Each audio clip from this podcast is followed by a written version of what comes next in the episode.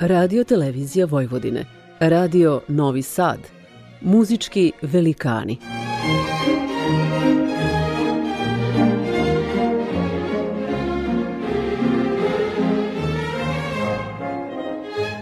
Urednik i voditelj Bogdan Đorđević.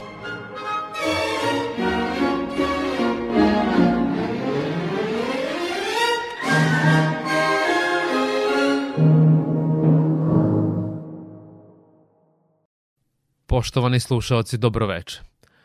U narednih sat vremena slušat ćete izbor stavova iz sonata za violu i klavir. Na početku emisije za vas smo odabrali prvi stav Adagio Allegro, sonate u C molu Felixa Mendelsona iz 1824. Ovo veoma složeno delo Mendelson je komponovao kada je imao samo 15 godina. Nažalost, sonata je objavljena tek 1966. posthumno, dakle više od 140 godina nakon što je ovaj Wunderkind završio rukopis. I sam autor je bio poznat kao violista, svirajući jednu od deonica sobstvenog gudačkog okteta u S-duru, on je bio potpuno svestan teškoća pisanja solo partiture za ovaj instrument – Naime, viola po svom karakteru i boji ima ulogu unutrašnjeg glasa u orkestraciji, sličnu onoj senkama i polusenkama u slikarstvu. Njen zagasit ton uspeva da ublaži ponekad preterano jake boje ostalih instrumenata u orkestru. Za razliku od violine koja ima sjajan i prodoran zvuk, Viola proizvodi tonove tamnih boja ne samo da bi u orkestru dopunjavala harmonsku pratnju, već da bi u pogodnom trenutku dočarala najdublju melanholiju i najsnažnija patetična uzbuđenja. Navešćemo i podatak da postoji još jedna razlika između ova dva instrumenta, a to je notacija. Kod viole zapis nota se radi u alt ključu, dok se kod violine beleži u običajenom violinskom ključu. Vraćamo se sada interpretaciji Mendelsonove sonate. U prvom stavu koji ćete imati priliku da čujete, uočit ćete najprekraći uvod sporijeg tempa. Izvode ga violista Hariolf Schlichtig i pijanista Adrian Etiker.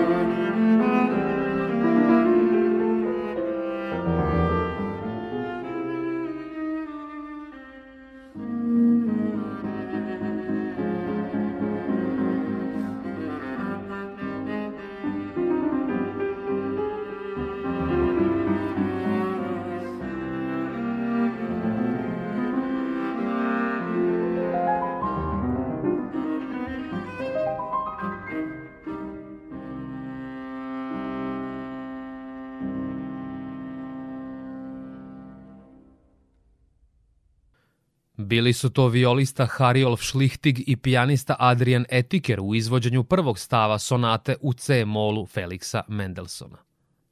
Viola je najverovatnije nastala od lire da bračo kao nešto veći oblik violine. Jedna vrsta starih viola, viola da more, preživela je do današnjeg vremena.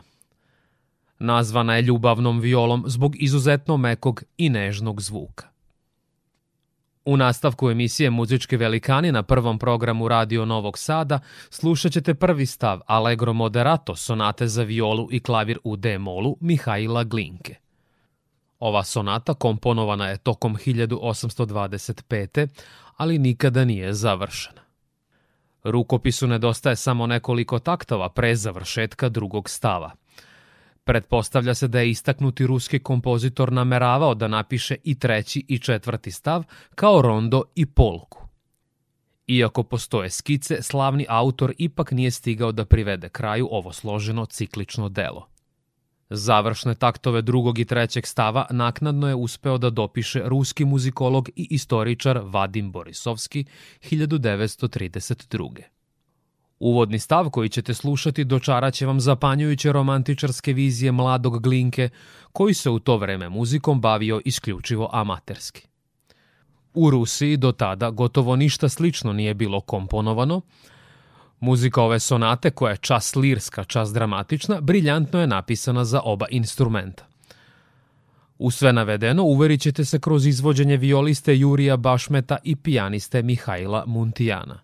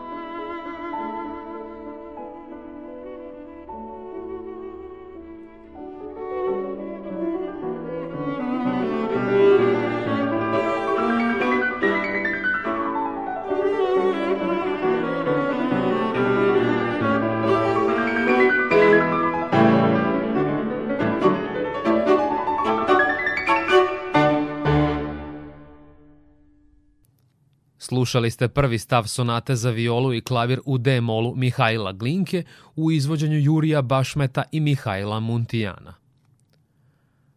Pored toga što je Glinka bio i kvalitetan pijanista, on je bio aktivan i kao violista.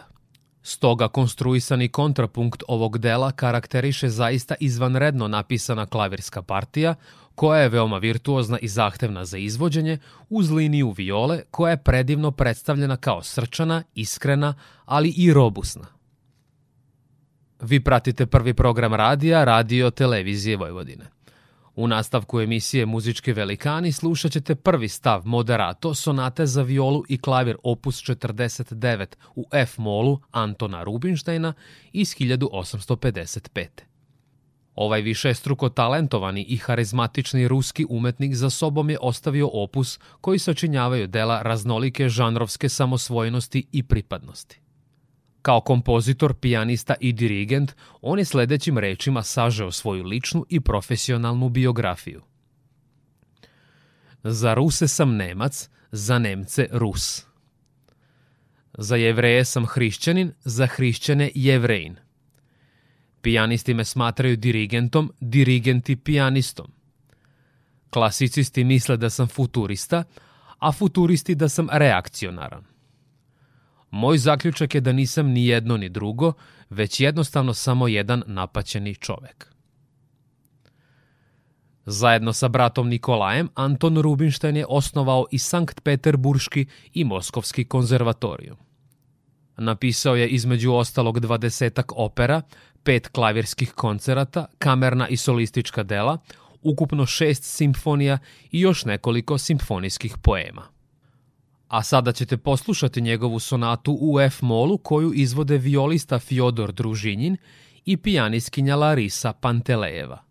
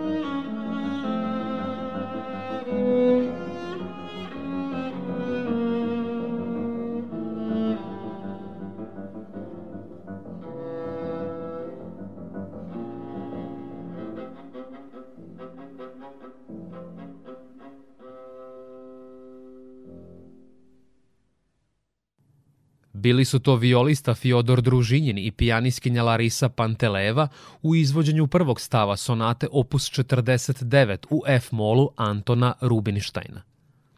O ovom kompozitoru napomenut ćemo još i to da je svoj prvi klavirski resital održao u Moskvi 1839. Nakon toga uputio se na trogodišnju koncertnu turneju kada je nastupao širom Evrope privlačeći pažnju Frederika Chopina i Franca Lista svojim virtuozitetom. Vi ste na talasima prvog programa radija Radio Televizije Vojvodine. U nastavku emisije Muzičke velikani slušat ćete prvi stav Maestoso Allegro, sonate za violu i klavir opus 38 u B duru Anrija Vietana, objavljene 1862. Ovaj kompozitor zauzima značajno mesto u istoriji violinizma kao istaknuti predstavnik francusko-belgijske škole. Prve časove violine dobio je od svog oca koji je bio graditelj gudačkih instrumenata i klavir štimer, a svoj prvi javni nastup održao je sa šest godina kao čudo od deteta. Tokom koncertne turneje po Nemačkoj upoznao se sa slavnim kompozitorom Robertom Schumannom, koji ga je uporedio sa Paganinijem. Čuvenog italijanskog virtuoza kasnije je impresionirao na svom debiju u Londonu da bi potom oduševio i Hektora Berlioza. Za vreme boravka u Rusiji bio je angažovan kao dvorski muzičar cara Nikolaja I i koncertmajstor orkestra operskog teatra. Nakon što je osnovao školu violina na Petrogradskom konzervatorijumu, vratio se u Brisel kao istaknuti profesor. U narednim minutima slušat ćete sonatu Anrija Vijetana koju izvode violista Antoine Tamesti i pijanista Cedric Tibergian.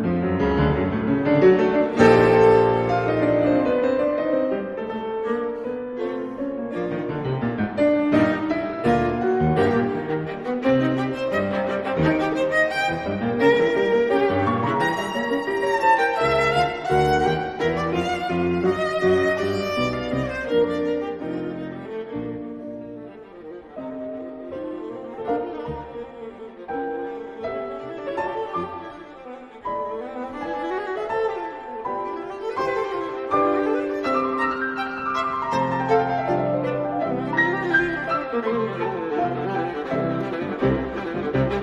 you.